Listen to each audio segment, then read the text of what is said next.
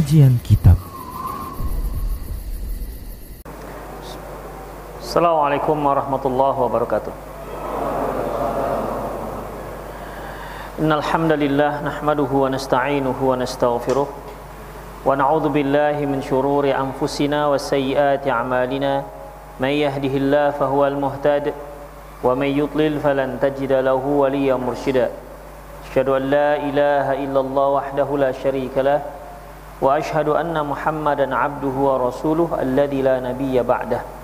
وقال الله سبحانه وتعالى يا أيها الذين آمنوا اتقوا الله حق تقاته ولا تموتن إلا وأنتم مسلمون. وقال عز من قال يا أيها الذين آمنوا اتقوا الله وقولوا قولا سديدا. يصلح لكم أعمالكم ويغفر لكم ذنوبكم ومن يطع الله ورسوله فقد فاز فوزا عظيما. يا أيها الناس اتقوا ربكم الذي خلقكم من نفس واحدة وخلق منها زوجها وبث منهما رجالا كثيرا ونساء. واتقوا الله الذي تساءلون به والأرحام. إن الله كان عليكم رقيبا.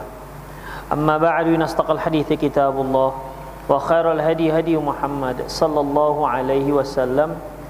وشر الأمور محدثاتها وكل محدثة بدعة وكل بدعة ضلالة وكل ضلالة في النار كتاب الوتر Kitabul الليل wa وتر dan قيام lail.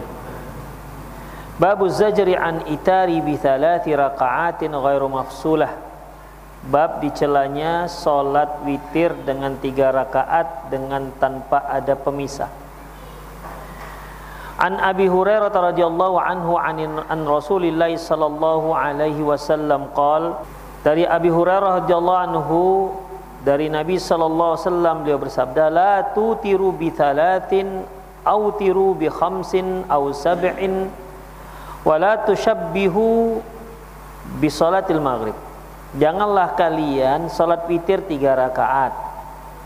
Dan juga jangan salat witir lima atau tujuh rakaat. Dan janganlah kalian menyeru, salat witir menyerupai salat maghrib. Min fikhil bab. Naha an-nahyu anit tashbihil witri bis salatil maghrib. Bahwasanya hadis ini menunjukkan larangan larangan menyerupai salat witir seperti salat maghrib. Artinya dilarang melaksanakan salat witir menyerupai salat maghrib. Wa bihadat tarjamal Darul Qutni hadis lebab. Dan dengan ini dengan lafaz inilah Imam Ad-Darul Qutni menyebutkan babnya. Mencantumkan babnya.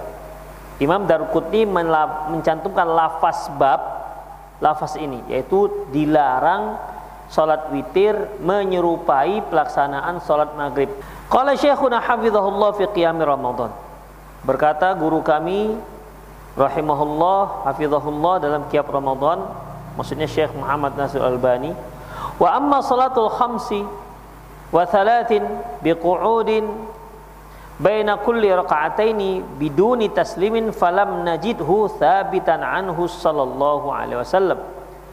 Adapun salat witir lima rakaat atau tiga rakaat dengan duduk setiap dua rakaat tanpa salam kami tidak dapati ada dasarnya dari Rasulullah Sallallahu Alaihi Wasallam. Artinya begini, dia lima rakaat, setiap dua rakaat tasyahud, nggak salam, ya. Biqudin baina kulli rakaataini bidun taslim, yaitu setiap dua rakaat duduk tasyahud tapi nggak pakai salam bangkit lagi.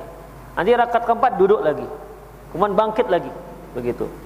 Adapun adapun salat yang lima rakaat atau yang tiga rakaat dengan dengan duduk di setiap kali dua rakaat dengan tanpa salam falam najiduhu thabitan anhu sallallahu alaihi wasallam kami tidak temukan ada dasarnya dari Rasulullah sallallahu alaihi wasallam.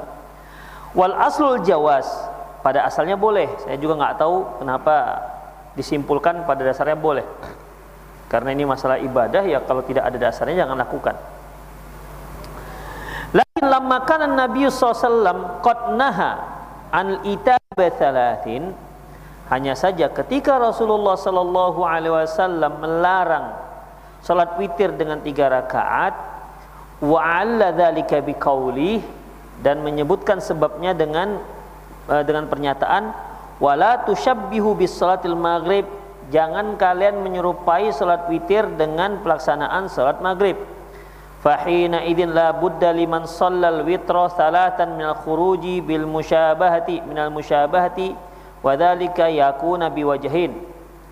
Oleh karena itu karena salat witir itu tiga rakaat dan salat tarawih juga tiga rakaat maka agar pelaksanaan salat witir yang tiga rakaat tidak sama seperti salat pelaksanaan salat uh, maghrib yang tiga rakaat maka caranya dengan uh, dengan dua cara.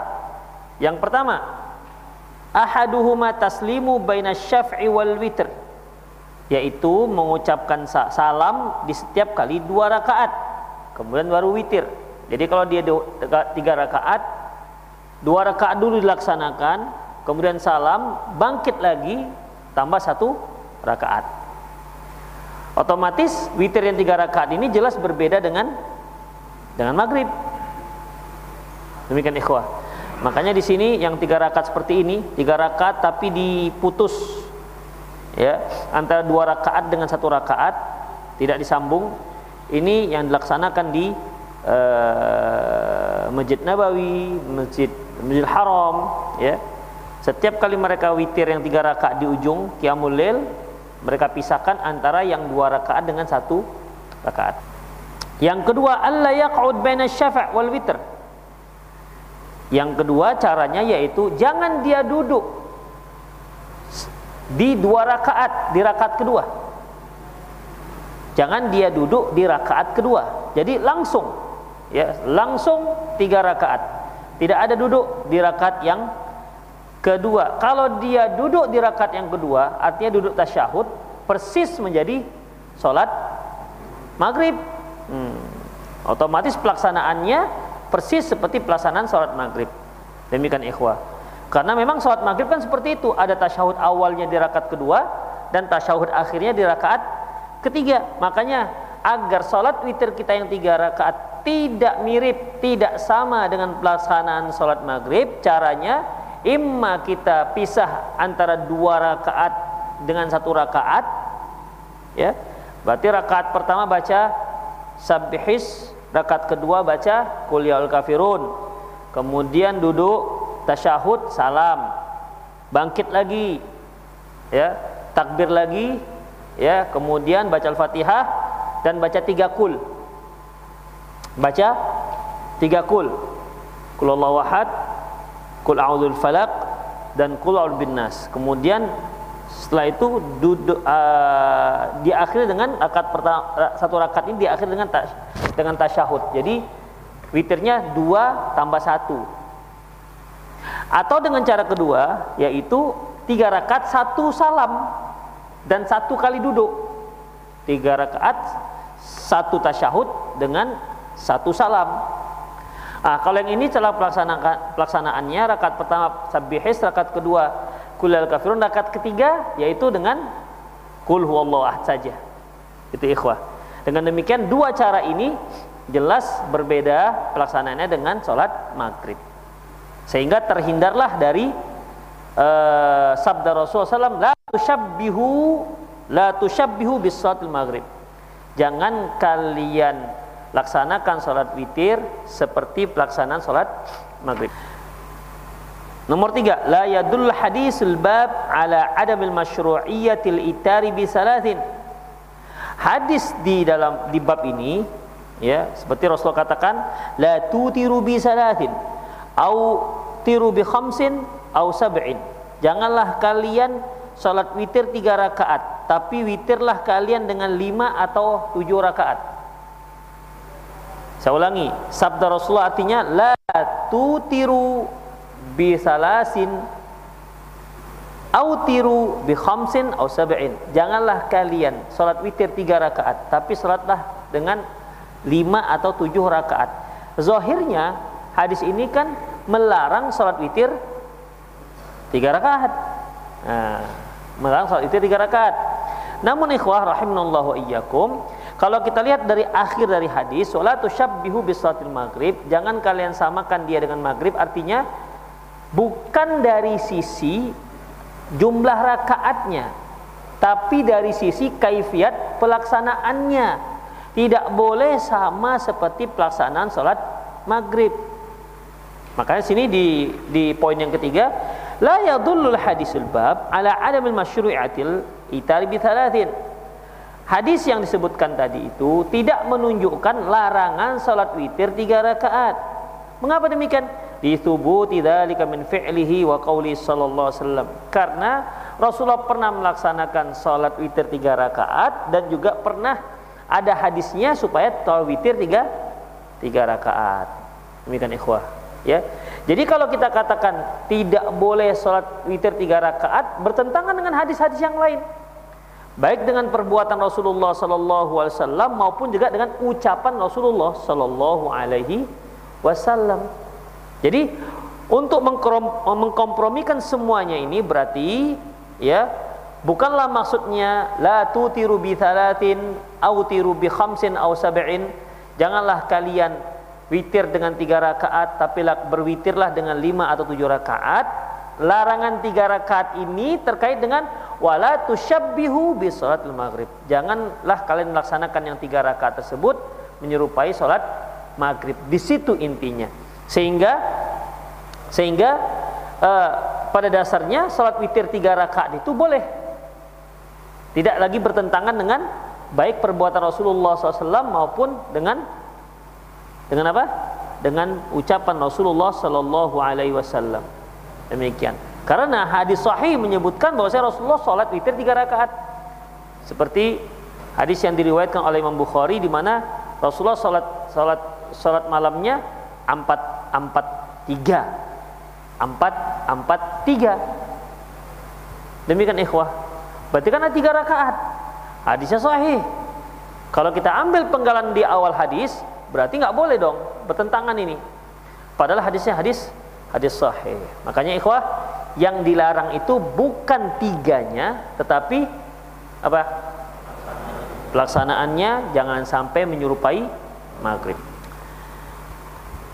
Babu zajri ayyutirul mar'u fil lailatil wahidati marrataini. Bab dicelanya seorang yang salat witir dua kali dalam satu malam.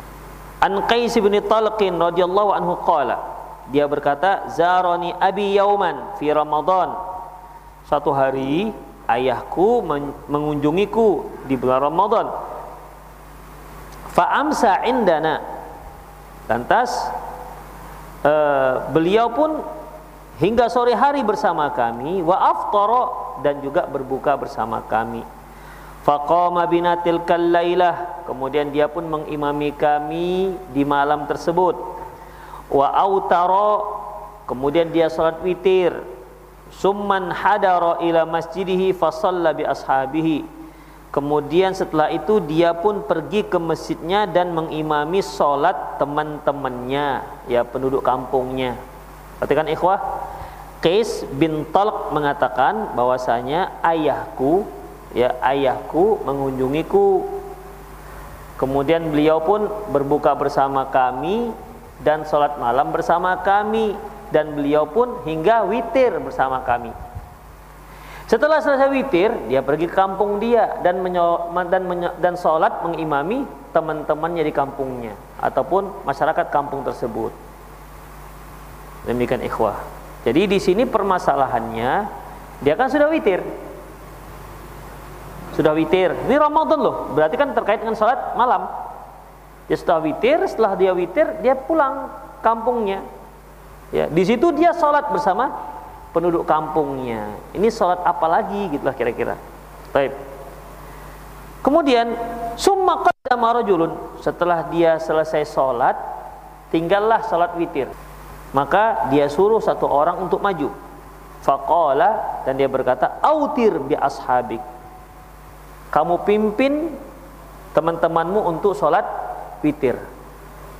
Fa inni sami'tu Rasulullah sallallahu alaihi wasallam karena aku pernah mendengar Rasulullah SAW bersabda la witrani fi lailatin. Tidak ada salat witir dalam satu malam. Berarti ini sahabat ini ya menyata uh, berpendapat bahwasanya setelah witir misalnya nih kita sebelum tidur witir karena nggak tahu apakah terbangun apa tidak.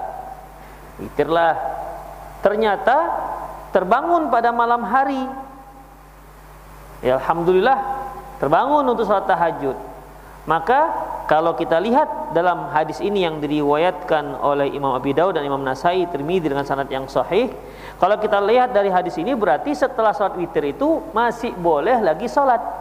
Ya kan? Masih boleh lagi salat. Hanya salatnya tinggal salat yang dua rakaat, dua rakaat, dua rakaat. Tetapi tidak ditutup dengan witir. Kenapa? Kenapa tadi? Karena dia sudah witir, makanya dia suruh salah seorang jamaah untuk mengimami jamaahnya sholat witir. Kemudian dia katakan tidak ada dua witir dalam satu malam. Kalau dia terus mengimami sampai selesai witir berarti dia dua witir. Ya yang satu witir bersama Kes bin Talak tadi di rumahnya yang satu witir lagi bersama? Iya sama kampungnya bersama jamaah kampungnya demikian ikhwah rahimahnya Allahu wa iyyakum baik Zohirnya hadis ini bahwasanya ini bukan hadis ya ini aplikasi daripada sabda Rasulullah SAW. Jadi uh, uh, case case bin talak saha, uh, yang sahabat itu talak. Ya. At-talak itu yang sahabat. Talak ini ikhwah rahimanallahu iyyakum melaksanakan cara witir seperti itu. Setelah witir dia tetap melakukan sholat malam. Hanya saja tidak lagi diakhiri dengan witir untuk dia. Tapi untuk teman-temannya karena mereka belum witir maka diakhiri dengan witir. Baik, nanti akan ada hubungannya. Bukankah Rasulullah katakan ij'alu salat ij'alu akhir salatikum salatikumul lail al witra. Jadikan salat malam kalian yang terakhir adalah salat witir. Tapi ini malah setelah witir masih ada salat lagi, salat dua rakaat, dua rakaat, dua rakaat. Demikian ikhwah. Ya. Baik. Kita lihat min fikhil bab di antara fikih bab. Yang pertama tahrimu salatul witri marrataini fil lailatin wahidah. Haram hukumnya salat witir dua kali dalam satu malam. Yang kedua, qala Tirmidzi rahimahullah fi sunanih. Berkata Imam Tirmidzi rahimahullah dalam kitab sunannya, wa ikhtalafa ahlul ilmi fil ladzi yutiru min awwali laili thumma yaqumu fi akhirih. Para ulama berbeda pendapat tentang seorang yang witir sebelum tidur atau di awal malam lantas dia bangun di akhir malam Fara'a ba'du ahli ilmi min ashabi Rasulillah sallallahu alaihi wasallam man ba'dahum naqdal witra sebahagian para sahabat Rasulullah SAW sebagian para sahabat Rasulullah SAW berpendapat bahwasanya kalau dia sudah witir di awal malam, lantas dia melanjutkan di akhir malam, sholat malamnya, maka dia batalkan sholat witirnya. Dia batalkan sholat witirnya. Gimana? Dia batalkan. Kan tadi sebelum tidur sudah sholat witir. Kemudian terbangun pada sholat malam. Udah? Pendapat ini mengatakan batalkan dulu yang sholat witirnya. Caranya bagaimana? Qalu yudifu ilaiha rakaatan dengan cara ketika dia bangun sholat dulu dia satu rakaat nah sholat satu rakaat yang satu rakaat ini membuat witir tadi menjadi genap witir itu kan artinya ganjil ya witir artinya ganjil ketika sholat witir sebelum dia tidur itu tiga rakaat setelah dia bangun maka yang dia lakukan harus membatalkan dulu witirnya harus digenapkan dulu dengan cara apa sholat satu rakaat Sholat satu rakaat. Ya niatnya itu untuk menggenapkan yang tiga rakaat. Memang agak aneh ya. Kalau kita katakan sudah dua dua witir itu sudah. Witir yang pertama itu kan sah, kenapa dibatalkan? Witir yang kedua setelah setelah bangun tidur. Demikian. Tapi wah, banyak para sahabat yang berpendapat seperti ini. Ya. Banyak para sahabat yang berpendapat seperti ini. Salah abadilah. Tiga orang abadilah, tiga orang Abdullah. Siapa aja itu? Tiga orang Abdullah. Abdullah bin Mas'ud, Abdullah bin Abbas dan Abdullah Ibnu Umar, Ali bin Abi Thalib juga termasuk yang berpendapat batalkan witirnya dengan cara tambah satu rakaat.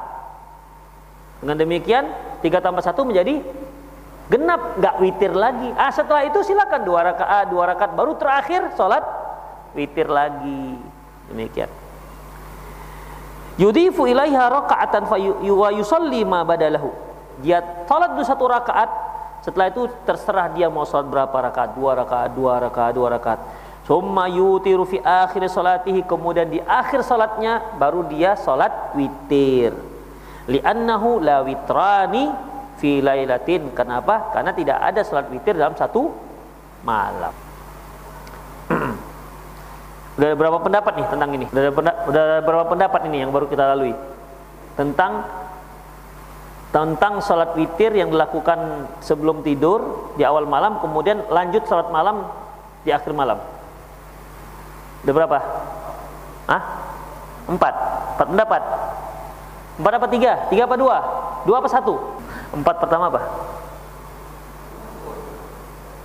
Kenapa maksud? Ya, ini mengatakan gimana tadi?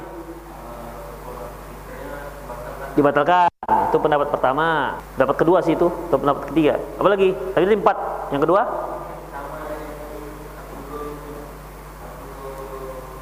Bukan bukan masalah yang berpendapat, maksudnya sudah berapa pendapat, sudah berapa jenis pendapat terkait tentang terkait masalah ini.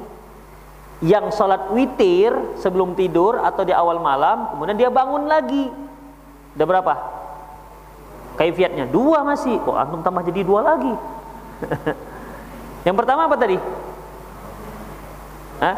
Salat witir sebelum malam, kemudian kalau dia mau lanjut, lanjut lagi tapi tidak diakhiri dengan witir. Itu tadi kan? Demikian ikhwah. Rahimani Allah wa iyyakum. Yang kedua, iya dia batalkan witirnya dengan satu dengan satu rakaat. Kemudian setelah itu dia lanjutkan. Wa alladhi dhahaba ila Ishaq birahwi. Inilah pendapat Ishaq birahwi. Ishaq birahwi ini ikhwah termasuk salah satu gurunya Imam Ahmad bin Hanbal. Wa qala ba'du ahli ilmi min ashabin Nabi SAW wa ghairuhum. Berkata sebagian ulama dari kalangan para sahabat dan lain-lainnya mereka katakan idza autara minal laili thumma nama thumma qama minal laili fi akhir laili fa innahu yusalli ma badalahu wa lam yanqudu witrahu. Kata mereka apabila dia sudah salat witir di awal malam kemudian dia tidur kemudian dia bangun di akhir malam maka hendaklah dia laksanakan sholat. Seberapa mampunya? Wala yang kudu witrahu. Nggak perlu dia batal-batalkan witirnya. Karena witirnya sudah sah kenapa dibatalkan? Wayada witrahu ala makana biarkan witirnya sebagaimana sebelumnya. Sudah biarkan aja dia sebelum tidur. Hanya kita tidak perlu witir lagi. Itu dia wa huwa qawlu Sufyan wa Malik bin Anas wa Ibn Buar Syafi'i wa Ahl Kufa wa Ahmad. Ini pendapat Sufyan Al-Thawri Malik bin Anas. Siapa Malik bin Anas nih sahabat. Sahabat siapa namanya? Anas bin Malik. Kalau Malik bin Anas? Imam Malik. Ya. Imam Malik anaknya Anas. Imam Malik siapa bapaknya? Tadi Imam Malik siapa namanya Malik bin Anas. Siapa bapaknya? Berarti Imam Malik Anas. Ini Anas ini Anas bin Malik. Hah? Kalau dibalik-balik Imam Malik ayahnya Anas bin Malik, sahabat. Sahabat ayahnya Malik lagi gitu, muter-muter. Imam Malik ayahnya Anas bin Malik, Anas ayahnya Imam Malik. Ya gimana nggak mungkin muter. Jadi Anas Malik bin Anas, Anas ini bukan sahabat. Demikian juga Anas bin Malik. Maliknya bukan bukan Imam Malik.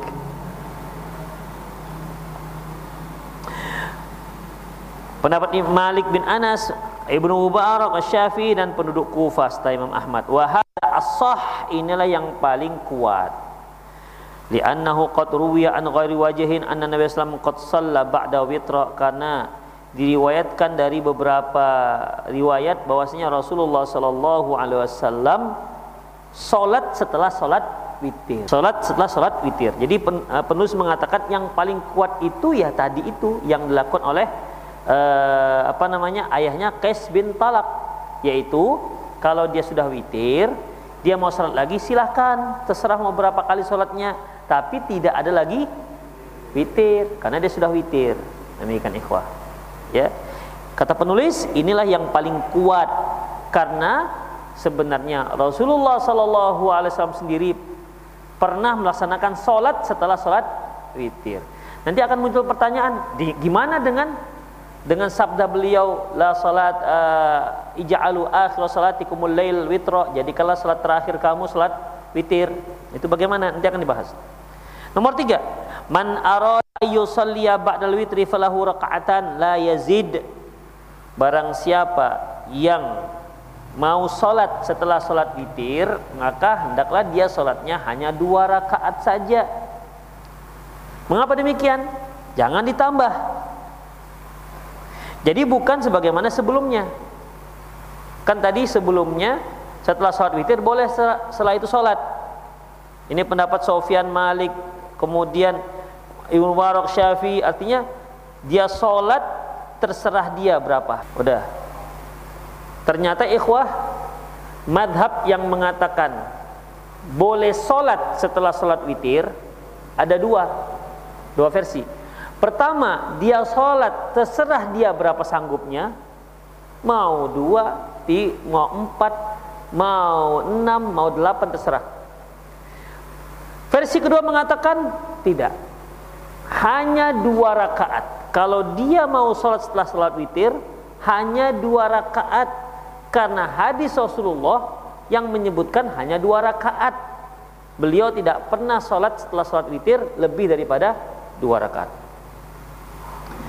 An Aisyah radhiyallahu anha qalat kana Rasulullah SAW yutiru biwahidah Nabi wasallam salat witir dengan satu rakaat summa yarka raka'ataini kemudian beliau salat dua rakaat. Ya fihima wa huwa jalis. Beliau baca dalam dalam posisi duduk. Beliau membaca dalam posisi duduk. Fa idza arada ayyarka qama faraka kalau beliau mau ruku beliau pun bangkit dan ruku. Jadi begini ketika beliau uh, sholat dua rakaat setelah sholat witir ini setelah baca al-fatihah kemudian setelah baca surat beliau sholatnya sambil duduk. Yang beliau lakukan dua rakaat setelah witir tadi beliau melakukan sambil sambil duduk. Ketika mau ruku beliau bangkit. Bangkit ya. Kemudian baru ruku. Begitu. Nggak duduk. Jadi rukuknya berdiri. Hanya ketika membaca saja yang yang duduk. Hadis diriwayatkan oleh Imam Darimi, Ibnu Khuzaimah dan Tabrani dengan sanad yang sahih. Wa hatani rakaatani laisa min makhsusiyati Rasulillah sallallahu alaihi wasallam. Dan dua rakaat yang dilakukan Rasulullah setelah salat witir itu tidak hanya khusus untuk Rasulullah. Artinya kaum muslimin juga boleh melakukannya. Dasarnya apa? Li hadis Saubana radhiyallahu anhu qol, berdasarkan hadis Sauban dia berkata, kunna ma'a Rasulillah sallallahu alaihi wasallam fi safarin faqal ketika kami bersama Rasulullah dalam safar beliau mengatakan inna hadha safaru juhdun wa thaqalun fa idza awtara aha fa idza awtara ahadukum falyarka raka'ataini fa inni istayqadha wa illa kanata lahu. Apabila sesungguhnya ini safar itu perlu inna hadha safar juhdun. Safar itu sulit dan berat. Faida autara ahadukum falyarka rakaatain. Kalau mereka, kalau salah seorang kalian sudah selesai sholat witir, maka rukuklah dua rakaat. Rukuklah dua rakaat. Artinya sholatlah dua dua rakaat. Di sini ikhwan menunjukkan bahwasanya ya setelah ternyata setelah witir ada lagi sholat dua rakaat. Bahkan beliau katakan falyarka rakaatain.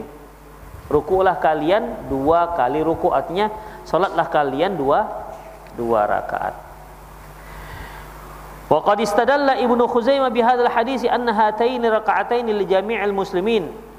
Ibnu Khuzaimah berdalilkan dengan dalil hadis Sauban ini bahwasanya dua rakaat setelah witir itu tidak hanya milik Rasulullah tetapi untuk seluruh kaum muslimin karena beliau katakan idza autara ahadukum apabila salah seorang kalian salat witir falyarka rakaatain salatlah setelah itu dia dua dua rakaat berarti tidak hanya khusus Rasulullah tapi juga boleh dilakukan oleh selain Rasulullah sallallahu alaihi wasallam dan hadis itulah yang dijadikan uh, oleh Ibnu Khuzaimah bahwasanya itu bukan ibadah khusus untuk Rasulullah tapi umum untuk seluruh kaum muslimin.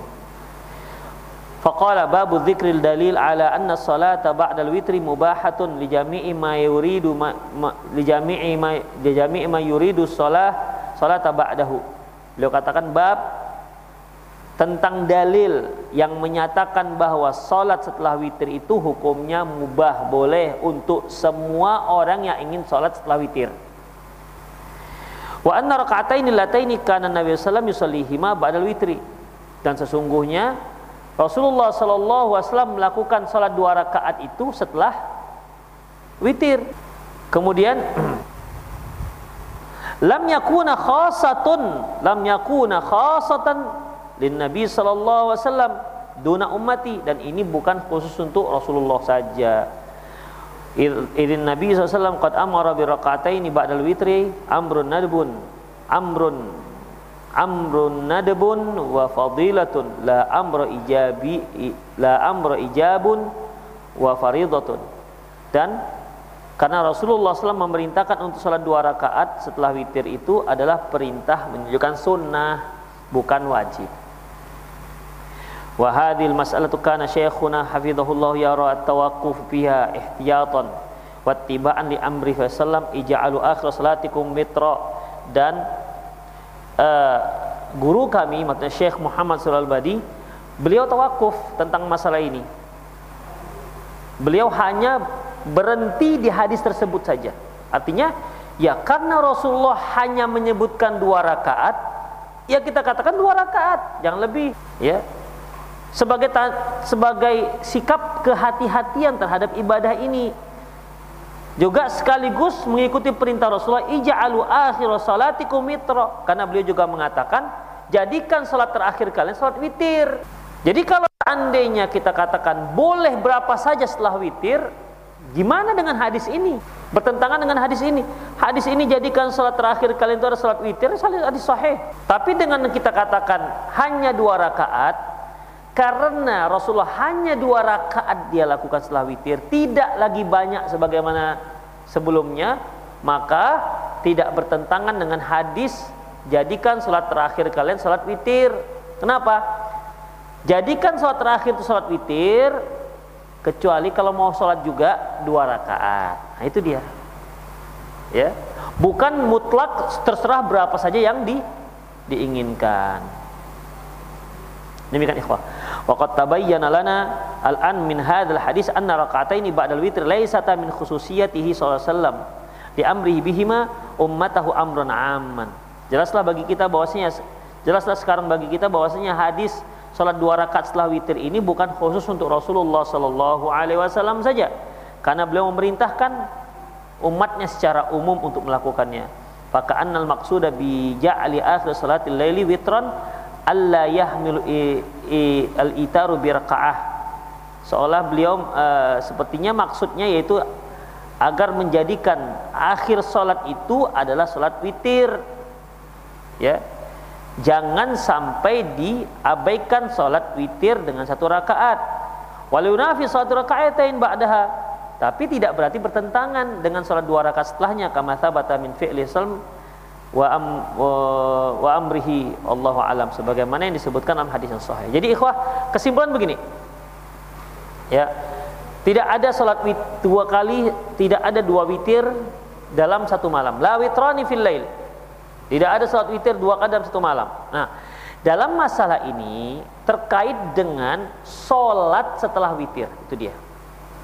Baik dia tidur dulu maupun nggak tidur dulu terserah. Intinya apa hukum sholat setelah sholat witir dan judulnya bahwasanya witir itu ija'alu akhir sholatikum al witro jadikan salat terakhir kalian salat witir yang namanya terakhir ya terakhir ya. Yang terakhir itu berarti setelah itu tidak ada lagi salat itu artinya jadikan salat witir itu yang terakhir. Nah sekarang permasalahannya adalah bagaimana kalau ada yang melakukannya? Ingat judul besarnya adalah tidak ada salat terakhir selain salat witir. Baik.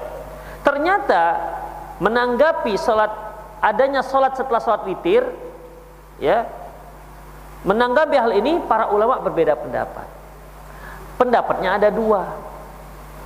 Dalam masalah ini pendapat dalam mengerjakan sholat setelah sholat witir itu ada dua.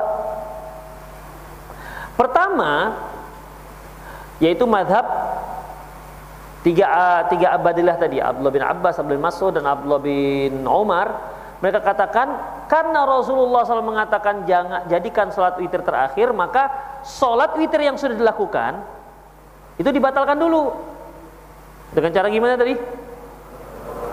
Sholat itu satu rakaat. Baru kemudian sholatlah dua rakaat, dua rakaat, dua rakaat sampai puas. Lantas setelah itu semua baru diakhiri dengan sholat witir sehingga dengan demikian cocok dengan hadis yang di atas. Jadikan sholat terakhir kalian sholat wi witir itu cara yang pertama. Cara yang kedua menyatakan bahwasanya uh, mereka membantah dengan yang pertama yang uh, mazhab yang pertama. Ya alasannya kenapa kok harus dibatalkan? Dia kan sudah sah. Demikian. Dia kan sudah sudah sah. Jadi bagaimana? Udah barang siapa yang sudah sholat witir, silakan dia sholat lagi setelah itu dua rakaat dua rakaat dengan catatan apa? Tidak diakhiri dengan witir lagi karena witir sudah ada. Ini betul siapa? Abu Bakar, Aisyah radhiyallahu anha, ya. Demikian ikhwah. Itu dia. Tapi permasalahannya gimana dengan hadis yang pertama tadi? Apa itu? Yang di atas. Jadikan sholat terakhir kalian sholat witir. Jadi sepertinya kok agak lebih kontras jadinya. Ya. Kalau tadi cocok, tapi permasalahannya kok dibatalkan gitu. Yang ini kurang cocok. Ya. Yang ini kurang cocok. Tapi dia cocok dengan hadis la witrani fil lail. Tidak ada dua witir dalam satu malam. Pendapat ketiga yang mengatakan ya jadikan sholat kalian yang terakhir itu sholat witir. Kalau mau sholat lagi hadisnya hanya ada beliau sholat dua rakaat titik. Hanya itu. Ya. Jadi disesuaikan dengan dalil. Ini dipakai oleh Syekh Al-Albani rahimahullah.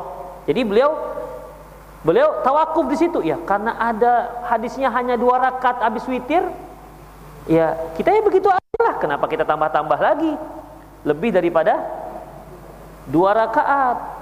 Dengan demikian cocok dengan hadis la ij'alu salatikum lail ij'alu akhir salatikum al witra jadikan salat terakhirkan salat witir dengan ditambahnya dua rakaat. Dua rakaat ini berarti apa? Pengecualian.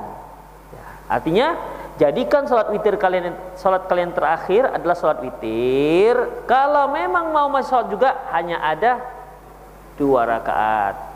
Itu dia hanya ada dua rakaat. Bedanya dengan mazhab Abu Bakar tadi apa? Hah? Iya, kalau mazhabnya Abu Bakar radhiyallahu dia terserah mau seberapa pun. Tapi memang tidak ada dasar dari Rasulullah Sallallahu Alaihi Wasallam. Tapi perlu kita ingat, itu sahabat. ingat itu.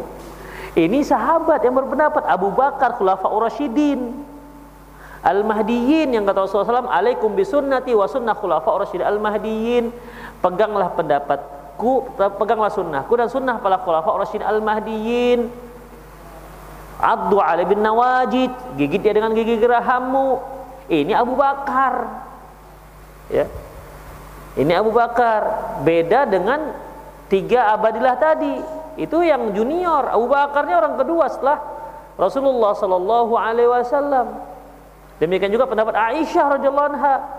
Dia yang paling tahu sholat sunnah Rasulullah SAW karena beliau sholat sunnahnya di di rumah. Nah, demikian ikhwah rahimunallahu wa iyyakum. Jadi dalam masalah ini sulit untuk dirojihkan. Kan ini para sahabat semua. ya, ini para sahabat semua. Ya. Bagi yang memakai yang dengan alasan tadi kan ihtiyaton. Ihtiyaton ya tindakan hati-hati karena ada hadisnya hanya Rasulullah hanya dua rakaat ya silakan tidak apa-apa artinya ihtiyaton ya karena kalau yang ini boleh sepuluh kalau yang sepuluh aja boleh apalagi yang dua gitulah kira-kira ya. Kalau yang sepuluh aja setelah sepuluh rakaat setelah witir boleh apalagi hanya dua. Apalagi yang dua ada dasarnya. Demikian ikhwah. Namun bukan berarti yang dilakukan oleh uh, Abu Bakar berarti bid'ah. Nggak nggak bisa kita katakan bid'ah. Ya. Dan juga bisa kita katakan bahwasanya yang mengatakan bat, dibatalkan witirnya dikatakan bid'ah. Kenapa ini para sahabat juga ada yang berpendapat demikian. Jadi ini khilafiahnya malah di antara para sahabat. Dengan ikhwah ya. Yang hanya dua rakaat kan langsung riwayat dari Rasulullah. Adapun dua, dua lagi itu yang setelah witir terserah mau berapa dengan yang witirnya dibatalkan baru di akhir witir lagi ini para sahabat. Demikian. Memang kalau zohirnya kuat yang mana zohirnya?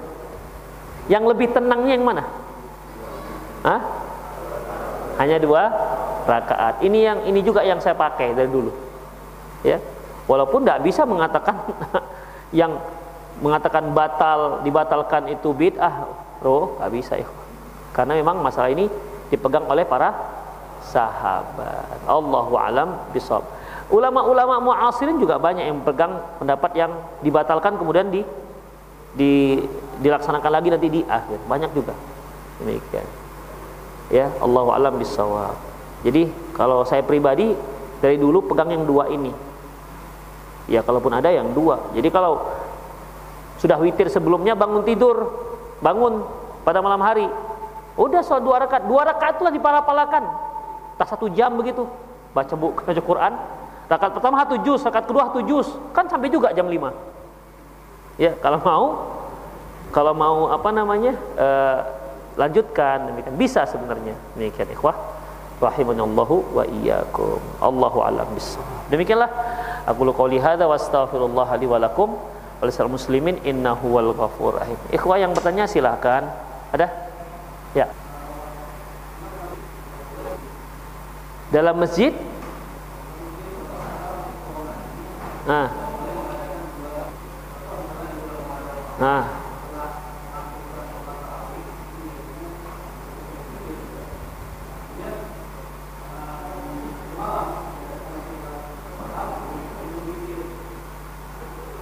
E, begini yang terpenting itu yang sholat itu siapa?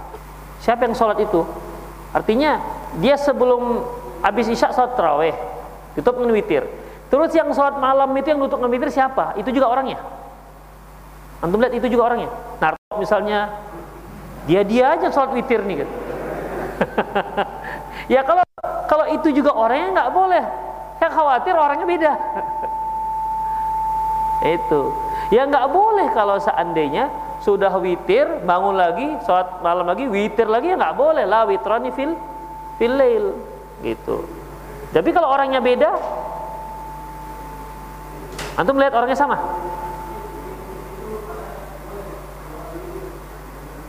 Bukan witir. La witrani fil lail maksudnya bukan di masjid itu. Kalau di masjid itu bisa berapa orang witir? Seperti misalnya kalau tidak ada tidak ada sholat tarawih hari biasa. Seperti madhab Hanafi. Madhab Hanafi itu sholat witir itu hampir wajib. Karena mereka membedakan antara wajib dengan faridoh. Fardu. Ya. Jadi witir itu hampir wajib. Kalau dikatakan tidak boleh ada dua witir dalam satu masjid itu mereka habis isya itu sholat witir semua sebelum tidur. Itu berapa puluh witir dah. Bukannya dua. Jadi maksudnya bukan pelaksanaan witirnya tetapi dalam satu orang, satu orang itu itu melakukan witirnya berapa kali? Itu yang dimaksud. Ya, para pemirsa yang ada di rumah, di mana pun anda berada, yang ingin bertanya silahkan uh, hubungi nomor yang sudah ada di layar televisi anda. Nah, halo, halo.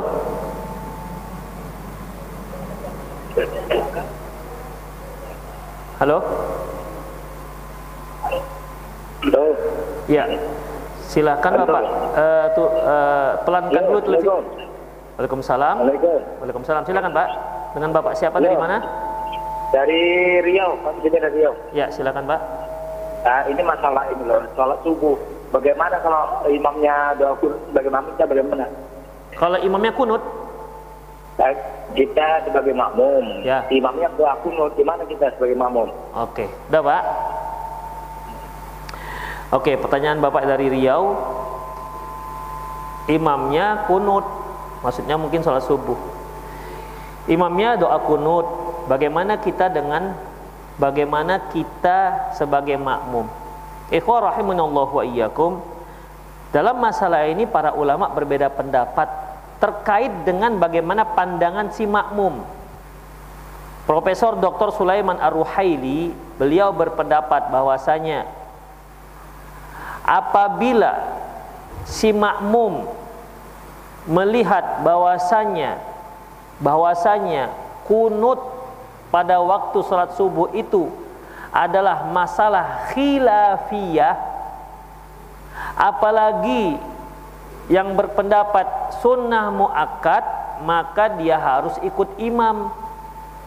Mengapa demikian? Karena Rasulullah sallallahu alaihi wasallam bersabda innama ju'ilal imam liutamma bihi imam itu dijadikan untuk diikuti.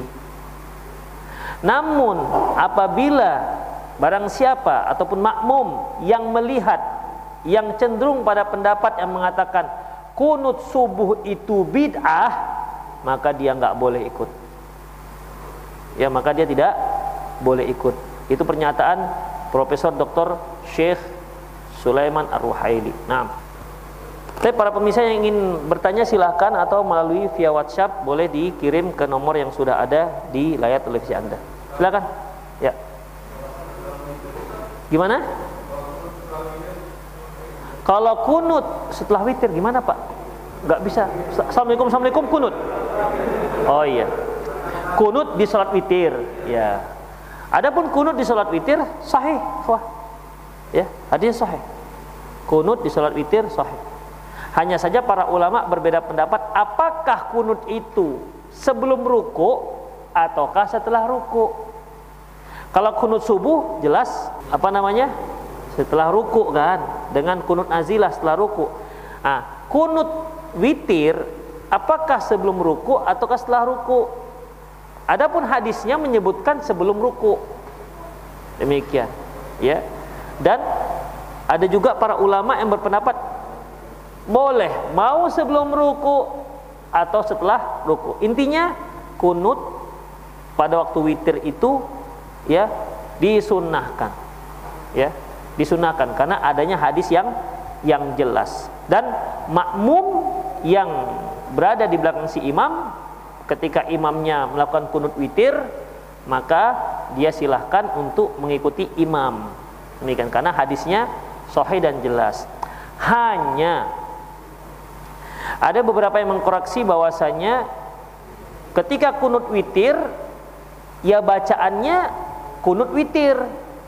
Allahumma hdina fi man hadait wa afina fi man afait. Mengapa demikian ikhwah?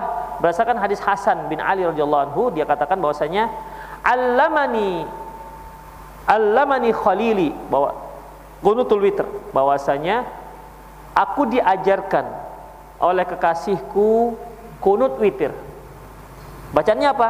Allahumma hdina fi man hadait, fa'afina fi man afait. Makanya ada yang membid'ahkan kunut kunut subuh. Kenapa? Karena hadis yang jelas itu di witir, bukan di di subuh. Allahumma hdina fi man hadait, wa afina fi man afait, wa tawallana fi man tawallait, wa fi ma atait, wa qina wasrif anna sarra ma qadait. Inna qataka di walaqtu alai dan seterusnya.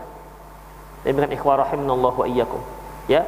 Ah, yang dikritiknya di mana ikhwah? Karena banyak para imam tidak hanya membaca kunut witir tapi dia menambah doa yang cukup panjang selain itu. Nah itu dia nambah sholat panjang apa doa yang panjang selain itu dengan doa-doa yang yang lain. Allahu alam bisawab. Ya. Ngangkat tangan. Angkat tangan. Dan para makmum juga mengaminkan. Makmum juga mengaminkan. Allahu alam bisawab. Ada lagi? Halo, ya. Assalamualaikum. Waalaikumsalam. Dengan Bapak siapa dari mana? Dari Pak Darlis Payakumbu. Ya, silakan Pak Payakumbu. Mau nanyakan ini masalah ayatnya apa dikhususkan apa dikhususkan ayatnya sholat witir ini sabihis atau rakaat keduanya kuliah ayat ya. kafirun Ustaz. Ya. Apa rakaat ketiganya kita baca kulhu sampai Anas itu apa diperbolehkan itu Pak Ustaz. Oke. Okay. sekian pertanyaan Ustaz. Ya, Terima kasih atas jawabannya. Assalamualaikum warahmatullahi wabarakatuh. Waalaikumsalam. Jazakumullah khairan atas pertanyaan Bapak yang ada di Payakumbuh. Ikhwah rahimanallahu wa iyyakum. Kita harus kembalikan ke hukum asal bahwasanya membaca surat itu tidak termasuk rukun solat dengan artian kalau dia tak baca surat tersebut maka solatnya sah.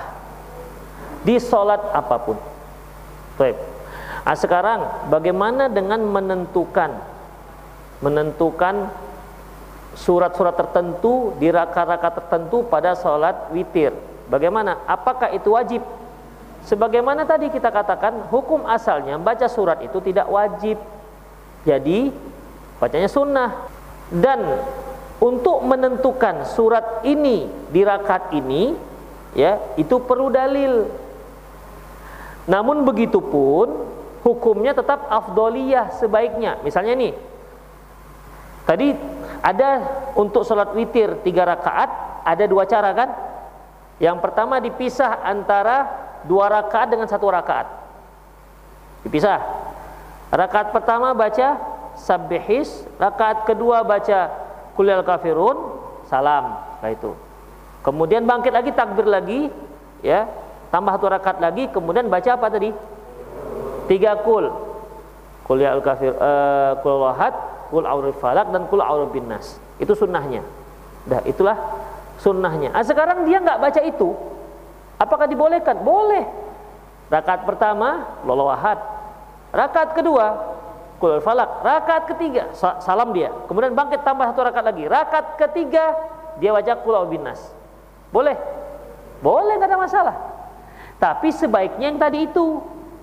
Sebaiknya yang tadi itu. Rakaat pertama sabis, rakaat kedua kul firun. Kemudian dia salam. Rakaat ketiga tiga kul tadi. Itu kalau dipisah antara dua rakaat dengan satu rakaat. Tapi kalau disatukan tiga rakaat dengan satu salam, rakaat pertama sabihis, rakaat kedua kalau kafirun rakaat ketiga cukup dengan menyebutkan membaca kul wallahu ahad. Baik, kalau dia ganti gimana? Rakaat pertama Al-Baqarah, rakaat kedua Al-Imran, rakaat keempat An rakaat tidak An-Nisa. Surat Nisa, boleh. Silahkan, nggak ada masalah. Ya, demikian ikhwah. Tapi lama lah. witir kata imam kan, witir mulai Al-Baqarah. ini witir lebih lama daripada Jadi ikhwah rahimahullahikum, hukumnya kalau dia membaca selain surat-surat yang telah disebutkan dalam riwayat Rasulullah SAW membacanya, hukumnya boleh. Tapi kalau dia baca itu yang telah ditentu, yang telah ditentukan dalam hadis, hukumnya lebih afdol, lebih afdol artinya lebih banyak pahalanya. Seperti subuh Jumat besok pagi, subuh Jumat disunahkan membaca rakaat pertama surat sajadah, rakaat kedua surat Ad-Dahr atau surah Al-Insan. Baik. Kalau dia baca rakaat pertama kulullah wahad, rakaat kedua ina atau ina, enggak sah subuhnya. Sah. Malah senang pun makmumnya. Mantap kali Ustaz. Mantap kali imamnya nih, cepat. Demikian ikhwah, ya. Sah. Ya, sah, tapi tidak afdol. Tapi tidak afdol. Demikian ikhwah. Jadi sunnahnya itu terkait dengan membaca suratnya bukan sajadahnya ingat bukan sajadahnya Sebab kalau kita katakan sajadahnya, kita bisa dong cari-cari ayat yang lain yang ada sajadahnya. Kita baca ayat rakaat pertama surat Al-Alaq. Iqra bismi rabbikal ladzi khalaq. Kan akhirnya itu ada surat ada sujud sajadah. Demikian. Dan tidak ada yang berfatwa seperti itu. Karena kesunahannya rakaat pertama terkait dengan suratnya, bukan sujud tilawahnya. Demikian ikhwah. Jadi kalau dia baca surat sajadah, kemudian ketika sujud tilawah dia nggak sujud, lanjut aja dia. Rakaat rakaat kedua dia baca surat Al-Insan, sesuai dengan sunnah nggak? Sesuai dengan sunnah nggak? Sesuai. Tapi kurang pahalanya karena dia tidak sujud. Tapi dia sudah melaksanakan hadis itu. Karena Rasulullah membaca di rakaat pertama surat sajadah, rakaat kedua surat Ad-Dahar, walaupun dia tuh tidak melakukan sujud tilawah. Tapi kalau dia sujud tilawah itu lebih afdol kenapa ikhwah? Karena kalau sujud tilawah itu kita lakukan, itu setan pada nangis. Apa kata si iblis? Wahai dulu aku disuruh sujud, aku nggak mau, akhirnya aku masuk neraka. Mereka disuruh sujud, mereka sujud, akhirnya mereka surga. Jadi kalau antum mau buat setan nangis, banyak-banyak sujud tilawah. Tapi jangan sujud tilawah itu aja, antum baca-baca. Fasjud waqtarib duduk, nangis sekali. Fasjud waqtarib dulu, enggak begitu. Ya bacalah lengkap dengan surat-suratnya. Demikian ikhwah ya. Itu dia. Lagi yang nanya? Ya. Ya.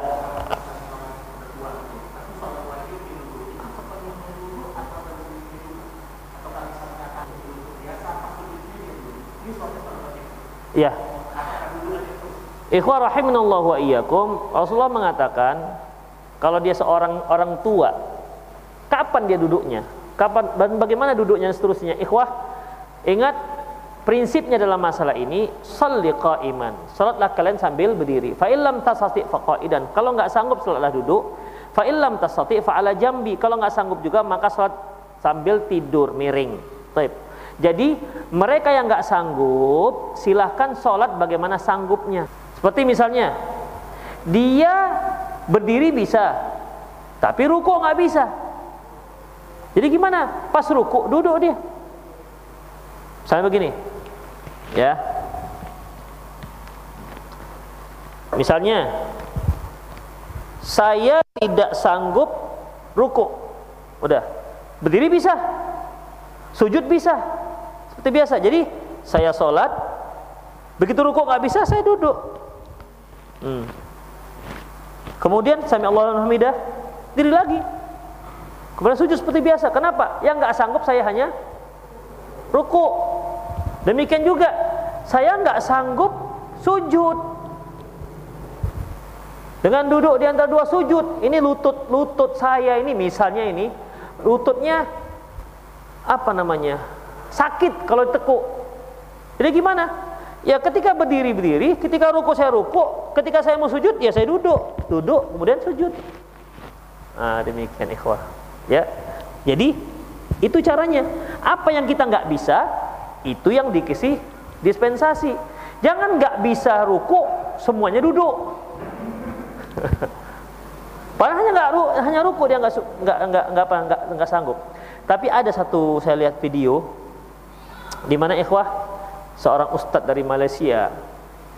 Dia mengatakan barang siapa yang rukuknya berdiri dan uh, sujudnya sambil duduk maka nggak sah sholatnya.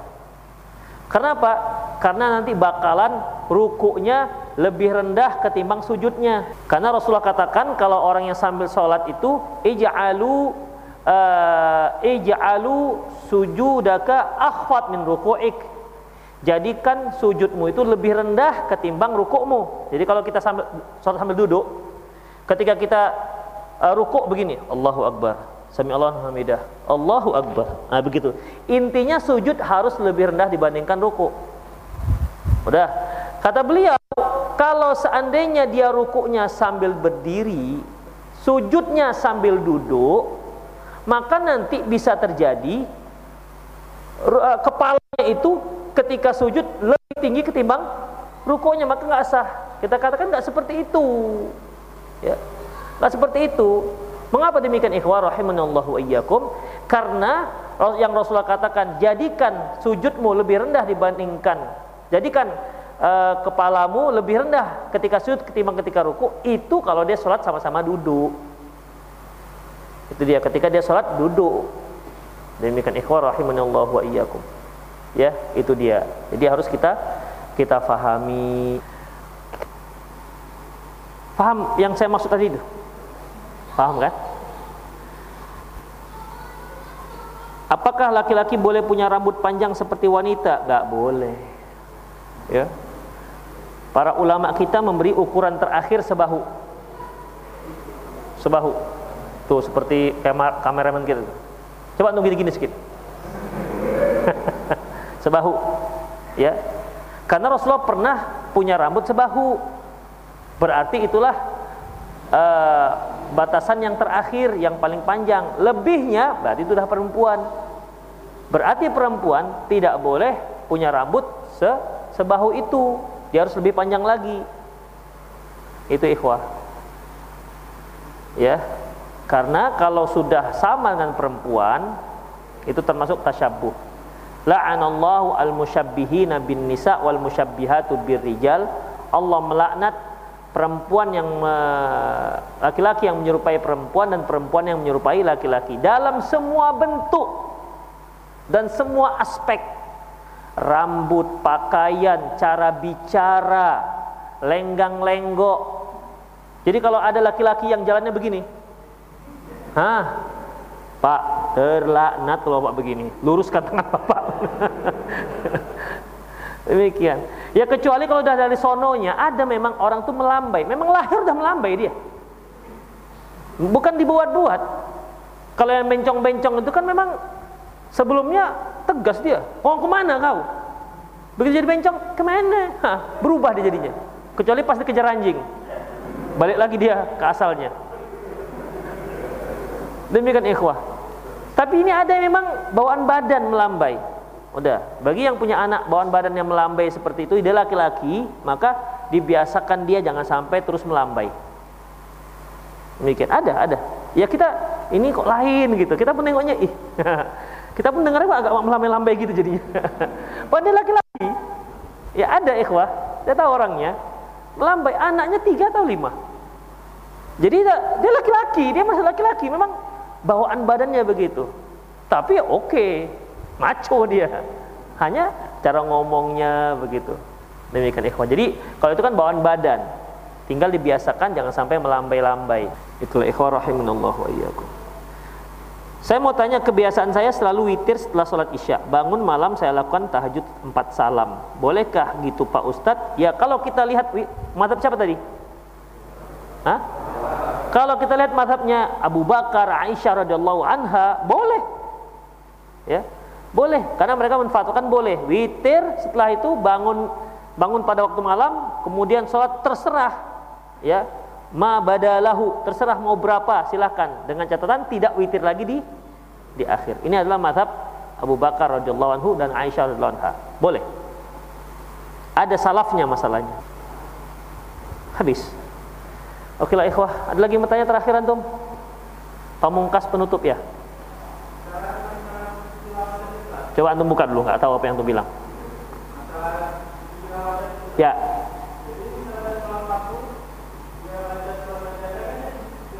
Ya. Dia rukuk lagi itidal maksudnya? Ya. Ah. Oh gini. Jadi ketika dia sudah sampai bacaan sujud. Ya. Apa bacaan sujudnya? Pas sujud tilawah? Hah? Bukan ayatnya oh, apa ayatnya? Ujung ayatnya itu. Hah? Ada ingat? Innama yu'minu bi ayat Innama yu'minu bi ayatina alladziina idza dzukru kharu sujada wa sabbahu bihamdihi wa hum la yastakbirun. Apa yang dilakukan setelah itu? Takbir, sujud. Langsung sujud. Jangan rukuk lagi. Wahum la yastakbirun takbir langsung sujud. dia baca uh, bacaan sujud apakah subhanallah atau subhanakallah subhanakallahumma rabbana bihamdikallahumma firli atau dia baca saja wajhiya lilladzi khalaqa wa syaqqa sam'ahu wa basarahu min hauli wa quwwatihi. Udah, kemudian takbir bangkit lagi berdiri. Ya, diri. Kemudian dia lanjutkan tatajafa junubuhum anil madaji'i yad'un rabbahum khawfa wa tama. Dilanjutkan ayatnya. Itu caranya. Jadi di situ tidak ada ruku, nggak ada apa namanya, nggak ada lagi uh, duduk dan sujud nggak langsung. Lanjutkan. Intinya baca sujud takbir lagi baca. Lanjutkan bacaannya. Demikian ikhwah. Makanya yang seperti ini pertama imam harus mengetahui kondisi makmum. Kalau mereka yang memang jarang-jarang atau mungkin tak pernah sujud tilawah kasih tahu. Nanti kalau saya baca ini saya takbir diharap makmum ruku apa sujud. Kalau enggak nanti kacau. Kita sujud mereka ruku terutama ibu-ibu yang sholatnya pakai tabir. Allahu Akbar kita bilang. Kita sujud dia ruku. Kita mau bangkit lagi Allahu Akbar. Subhanallah kata mereka nanti. Atau tepuk tangan. Kenapa? Seharusnya kan sampai Allah hamidah Taib, oh ini mungkin silap imamnya. Kita bangkit. Dia itidal. Dia dengar baca kita baca ayat. Oh ini gimana lagi nih mereka sudah melewati imam dua rukun. Kacau jadinya kan? Demikian. Jadi ikhwah kalau antum kira-kira khawatir tidak usahlah pakai sujud tilawah ketika sholat jamaah. Kecuali kalau jamaahnya sudah teredukasi. Kalau nggak kacau. Ya kalau kacau. Mungkin saya pernah cerita ke antum. Ada seorang pemuda dia tidak pernah sholat ke masjid. Kali ini dia kepingin sholat ke masjid pas Ramadan kebetulan subuh Jumat di masjid itu biasa sholat sajadah tilawah Begitu takbir Allahu Akbar, imam sujud, dia ruku. Eh. Semua sujud. Oh, berarti di sini kalau pas takbir langsung sujud. Ikutlah sab. Dah sujud dia. Allah Akbar, tengoknya kan lagi. Oh, bangkit orang bangkit. Rakaat kedua Allahu Akbar, dong sujud dia. Benar dia cerita ke saya, dia sendiri cerita. Rakaat kedua di sini modelnya itu kalau takbir habis baca Al-Fatihah baca ayat, begitu takbir Allahu Akbar langsung sujud. Begitu Allahu Akbar sujud dia langsung saking semangatnya. Orang ruku. Begitu. Begitu Assalamualaikum Assalamualaikum pergi dia lari bawa pulang apa ngambil sendal langsung pergi lari dia. Demikian ya karena terjadi perubah apa namanya dia nggak tahu cara seperti itu. Ini kan ikhwah ya. Jadi memang harus perlu edukasi baru kita bisa melakukannya. Kalau enggak nanti kasihan. Jamaah kacau. Ya jamaah kacau. Syekh Albani sendiri pernah menceritakan di masjid yang setiap jum malam Jumat uh, Jumat pagi itu mereka baca sujud tilawah. Udah masjid itu masjid yang bangsa mimbarnya itu panjang jadi memutus dua sab sampai tiga sab seperti masjid mimbarnya masjid raya. Itu kan memutus saf. Jadi ada dua atau tiga saf terputus. Artinya saf pertama, saf kedua, kemudian mimbar, kemudian lanjutkan di sebelah mimbar. Kebetulan pada waktu itu kata Syekh Albani nggak ada imamnya. Sementara mereka lihat memang Syekh Albani ini yang rajin ke masjid, baca Quran segala macam. Akhirnya tidak ada kandidat yang lain selain beliau. Disoronglah beliau jadi imam. Kemudian apa ikhwah? Beliau bukan baca alif lam mim, tapi baca alif lam ro. Jadi bukan sujud tilawah, tapi karena imam makmum yang nggak nggak faham, oh alif lam mim, nggak gitu faham tentang ayat yang dibaca, karena kebiasaan subuh pagi itu begitu Allahu Akbar sujud kali ini Syekh Albani Allahu Akbar nggak sujud dia. Orang dia bukan baca sujud tilawah tapi baca surat Yusuf alif lam ro. Allahu Akbar. Ruku. Udah. Yang di balik mimbar kan nggak nampak imam tuh. Kan mimbar, eh, ini mimbar di sini lah. Yang di balik mimbar dia nggak nampak imam. Itu kacau. Ada yang sujud, ada yang ruku. Begitu. Karena nggak nampak imam. Kalau nampak imam kan masih nengok, oh imamnya begini, selesai kan? Kacau. Itu ikhwah. Makanya jangan buat mimbar yang mutus-mutuskan sab. Oke, ikhwah rahimanallah wa iyyakum. Semoga bermanfaat. Aku lu qauli hadza wa astaghfirullah li wa lakum lisal muslimin innahu wal ghafur rahim. Subhanakallahumma wa bihamdik asyhadu an la ilaha illa anta astaghfiruka wa atubu ilaik. Wa sallallahu ala nabiyyina Muhammad wa ala alihi wa ashabihi ajma'in. Wa akhir da'wana alhamdulillah rabbil alamin. Assalamualaikum warahmatullahi wabarakatuh.